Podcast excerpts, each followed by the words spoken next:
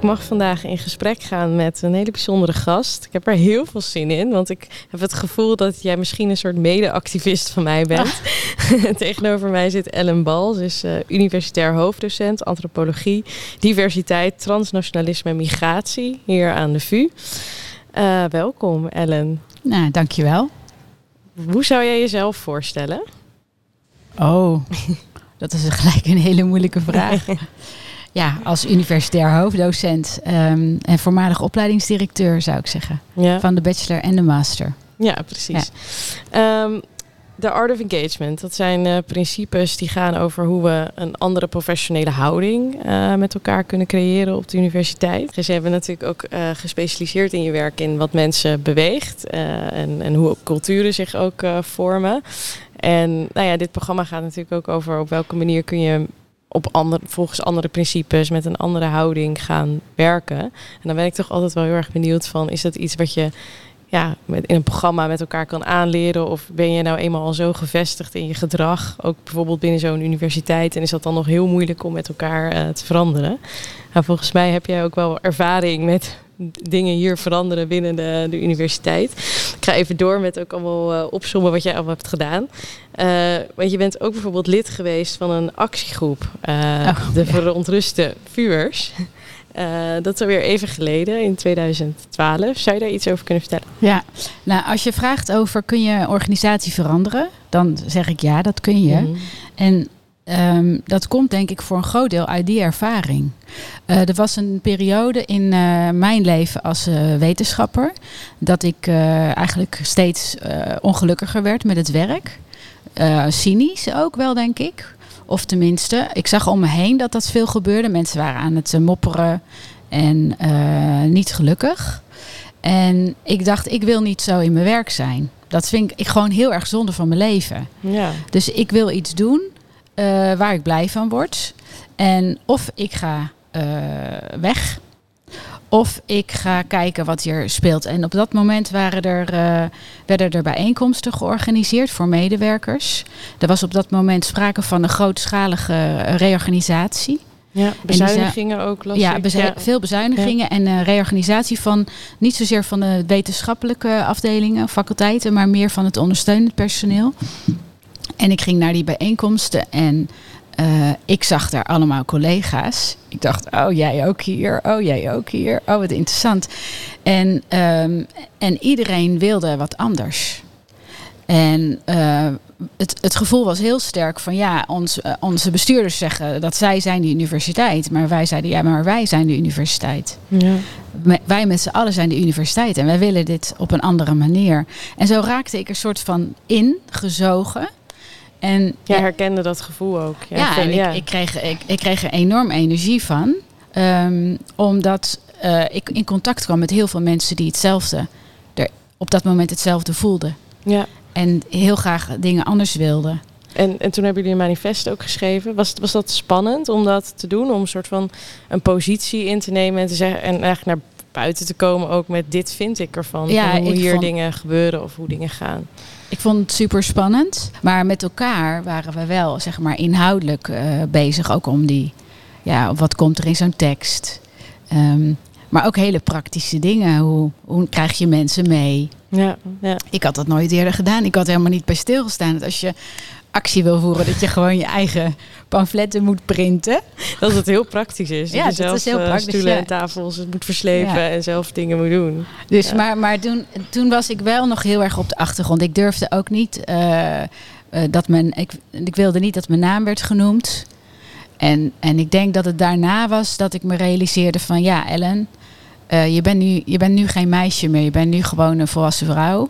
En hoe wil je eigenlijk als volwassen persoon ja. in deze organisatie opereren. En, en nou, dat was misschien al tijdens dat proces. En toen durfde ik ook gewoon meer ja, uitgesproken te zijn. Ja. Ik uh, vind het een hele mooie vraag die je opwerpt. Hoe wil je als volwassen persoon in deze organisatie opereren? Ik denk ook um, dat dat een beetje misschien ook de kern is van deze aflevering. Omdat ik het met jou wil hebben over persoonlijke impact en wat dat betekent. En hoe je als medewerker eigenlijk persoonlijke impact uh, kan hebben. Wat betekent volgens jou impact?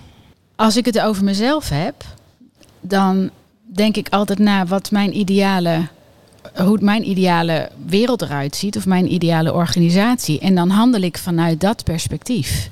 En dan probeer ik daar te komen. Dus dan denk ik niet na over impact, maar ik denk over de wereld of over de situatie die ik het voor ogen heb en die nee, ik liever wil. Je gaat niet zitten bedenken wat je nu heel vaak hoort van hè, ik moet purpose vinden of ik moet impact maken. Dat klinkt dan misschien alweer te verintellectualiseerd of zo. Zo van ja, je gaat op een dag even zitten nadenken, wat is impact, dat ga ik doen. Is zeg maar impact hebben altijd zit dat op de activistische kant van ik wil bijvoorbeeld de organisatie veranderen of zie je ook andere vormen waarop je je persoonlijke impact bijvoorbeeld zou kunnen vergroten of je persoonlijk ja, je impact eigenlijk je zou ja. kunnen. Nee, ik, denk dat niet dat het in, altijd in activisme zit. Ik heb ook toen de tijd geleerd dat heel veel mensen zijn, vinden dat helemaal niet leuk en ook niet fijn. En uh, die willen liever wat meer, zeg maar, de middenweg of zo. Die vonden ons ook te heftig. Ja, heel veel mensen voelen ongemak bij ja, die voelen, ja, een spandoek of een manifest. Of... Ja, dus dat, uh, dat is niet de route voor iedereen. Um, voor mij geldt het heel erg. Voor mij is heel erg belangrijk steeds de vraag van wat vind ik belangrijk? En denk ik dat dit de goede manier is waarop dingen nu gaan? En wat zou ik anders willen? En dan vervolgt. En dan komt als volgende vraag: wat kan ik daar zelf aan doen? En wat ik daar zelf in doe nu, is dat ik vrij, ja, dan ook uitgesproken durf te zijn en dan durf te delen uh, met anderen hoe ik erin uh, sta en wat ik ervan vind. En tot nu toe heb ik daar helemaal geen uh, problemen mee gekregen. Nee. nee. En wat ik wel ook merk in de universiteit en veel collega's die vinden dat ook eng. En misschien denk ik ook soms terecht. En ze zijn heel erg bang dat het gevolgen heeft voor hun uh, ja. persoonlijke ontwikkeling en hun carrièreperspectieven. Ja, een van de principes is ook toon moed. en uh, in duidelijke keuzes. Maar dat stukje moed, dat zit daar ook in. Van hè, uh, moedig zijn over waar je voor staat. en daarvoor durven opkomen. Wat, wat heeft jou daarin misschien toch dat zetje gegeven? Heb ja, ik denk dat ik ervaren heb dat als ik me uitspreek uh, of als ik, uh, hè, als, ik deel, uh, als ik deel hoe ik dingen zie en hoe dingen misschien anders kunnen. En dan zijn er verschillende aspecten belangrijk. Het eerste is dat het niet over mijn persoonlijke belang gaat. Dus ik, ik, denk, ik heb heel erg de neiging om te denken vanuit het collectief. En het collectief is niet per se de universiteit of zo. Het kan bijvoorbeeld heel erg antropologie zijn. Ja. ik geloof heel erg in, in ons vak. En dat het belangrijk is. Um, dus ik denk heel erg vanuit, uh, vanuit een soort van uh, meer van een groot, vanuit een groter geheel. Dat ten eerste. En um, ik denk dat mensen dat ook dan voelen. Van hé, hey, ze praat niet voor zichzelf. Ja, ze staat niet ja. voor zichzelf te. Uh, ja, dus het gaat ook over ons. En ten tweede heb ik gemerkt dat als je dat doet en, en mensen herkennen dat, dat het ook dat er ook heel veel ruimte voor is en dat het wordt gewaardeerd. Maar er zit nog een tweede voorwaarde volgens mij, of een derde voorwaarde is het dan, is dat je dat op een constructieve manier doet. Hmm. Dus ik kan wel ook boos zijn. Ik ben best wel vaak ook heel kritisch. En ook wel, denk ik, soms geïrriteerd of misschien te ongeduldig. Maar ik probeer wel altijd uh, na te denken van hoe kan, kunnen we dat anders doen? Hoe kunnen we dat beter doen? Hoe kunnen we dat samen doen? Wat zijn alternatieven? Wat zijn oplossingen? Dus ik ben heel erg geneigd om te denken vanuit mogelijkheden. Ik heb de afgelopen eh, jaren, misschien sinds de, die, activistische tijd, ben ik steeds meer gaan kijken naar de universiteit als antropoloog. En uh, de processen die ik zeg maar hiervoor altijd ook bestudeerde ver weg. Hè, mijn onderzoeksgebied is Zuid-Azië. Uh, dus daar uh, ben ik vooral veel mee bezig geweest. Maar die zie ik eigenlijk ook heel erg terug hier. En dus ik vind wat ik doe, um, als uh, in, bijvoorbeeld in de ondernemingsraad, dat is ook eigenlijk een beetje mijn vak uitvoeren. Werk. Als Je bent ondertussen onderzoek aan het doen en aan het observeren wat doen deze mensen eigenlijk. Ja, ik ben aan het observeren en ik, ja. en ik herken heel veel processen. Wat zie jij met die antropologische blik? Oh ja, dat kan, kan ik niet zo in een paar zinnen samenvatten. Ehm, maar wat, ik, wat in elk geval heel belangrijk is, en misschien is dat ook wel voor het thema van vandaag belangrijk, om te, eh, dat is toch wel het thema macht. Ik denk dat in de universiteit allerlei redenen zijn voor mensen om, om, uh, om een persoonlijke impact te onderschatten. Uh, of misschien om te denken dat het beperkt is. En dat heeft ermee te maken, volgens mij, dat er heel veel onzekerheid en onveiligheid zit in, in de organisatie. Hè? Dus er zijn veel mensen met tijdelijke contracten die. Uh, ja, die, die, die, die zijn bang dat als zij zich uh, uitspreken of misschien niet goed luisteren of misschien niet hard genoeg werken, dat, ze, dat hun contract niet wordt verlengd. Ja. Dus ja. dat het hun carrière negatief uh, Dat het een, ja, een, ja de, ik denk dat er ook heel veel mensen bang zijn voor überhaupt gewoon voor een carrièreperspectief, al heb je een vaste baan. dat ze, ze hebben het idee dat ze ja, willen opklimmen en misschien uiteindelijk ook hoogleraar willen maar worden. Maar is dat een, maar een perceptie of is dat echt waar? Bijvoorbeeld, heb jij, heb jij negatieve consequenties? Ja, en dat is dus de, precies, dat is precies de goede vraag. Is dat perceptie of is het waar? Het is denk ik allebei. Want soms is het waar.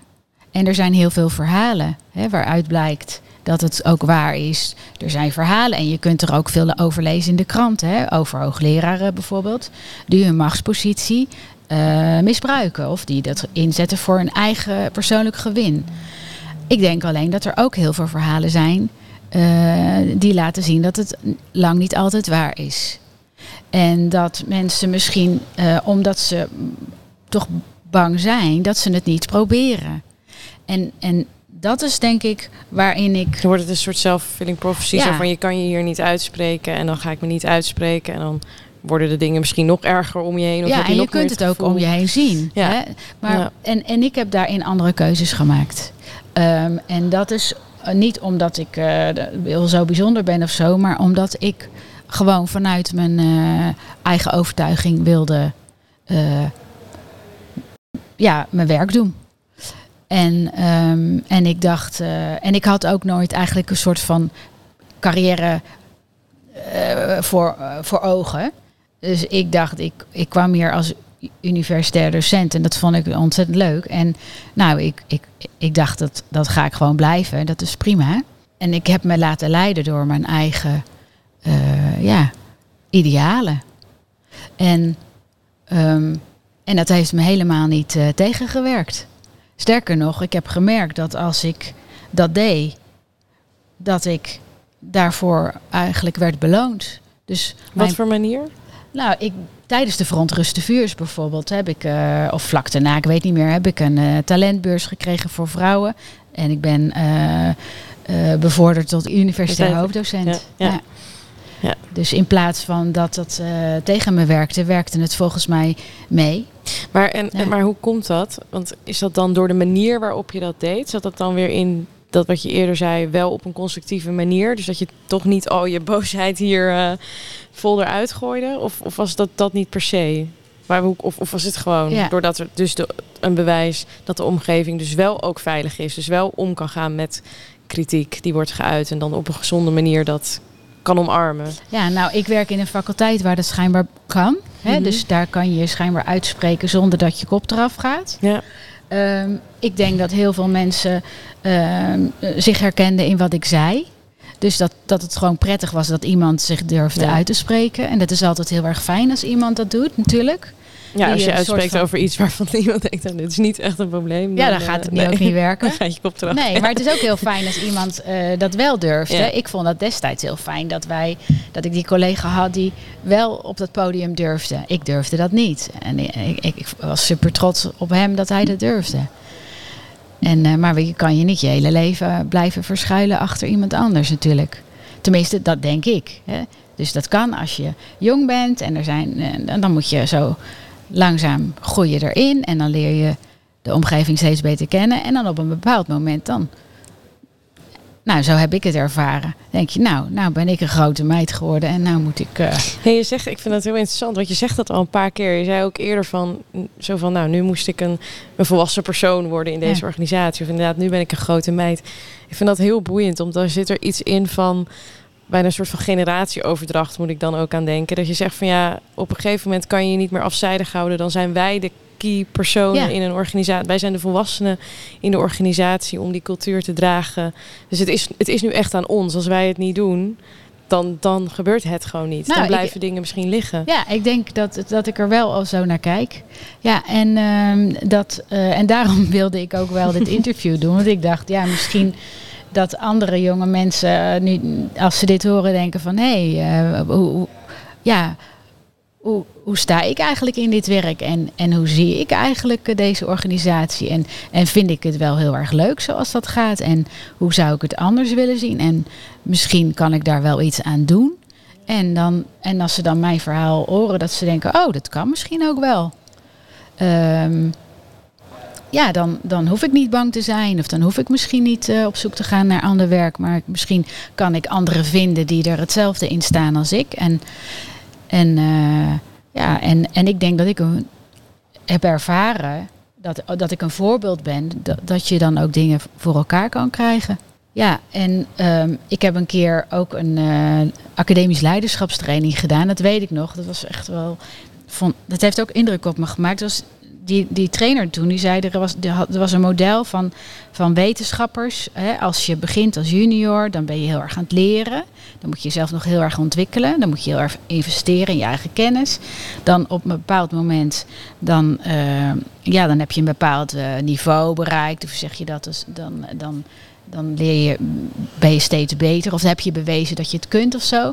En dan komt er het moment dat je gaat incasseren. Hè. Dan heb je, je hebt geïnvesteerd en dan dat gaat renderen. Dus dan ga je uh, mooie publicaties uh, realiseren. Of je gaat beurzen binnenhalen.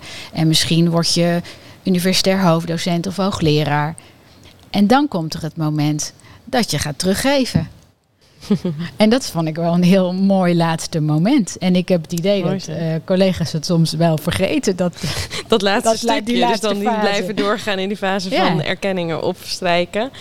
Um, maar dat er daarna komt er ook een soort van uh, wederkerigheid. Van, ja, dat je, die, dat je, je, je begint als, uh, als mentee, zeg maar. Of als, als junior. En je eindigt als mentor. Zoiets. En, en in, in, in, die, in, de, in het hele pad zijn er verschillende momenten, denk ik, waarop je je ervaring en je kennis op een andere manier kunt inzetten. Je straalt er ook bij als je dat zegt. Ja, Geeft het, maakt het je gelukkig? Daar, nou, als je dat... ik vind het eigenlijk heel, ja, vooral heel grappig. ja. Dat er een soort van cirkel, dat er een soort van cirkel in zit of zo. Dat je dat dan het cirkeltje weer rond is. Dat je dan voor een andere persoon, eigenlijk voor de volgende generatie. Ja. Uh, ja. Kijk, ik, ik denk als je het. In ons soort werk, dan, daar kan je heel makkelijk in verliezen. En zeker omdat we echt zo hard moeten werken. Maar aan het einde van de dag, hè, straks als je met pensioen bent of je gaat dood of zo.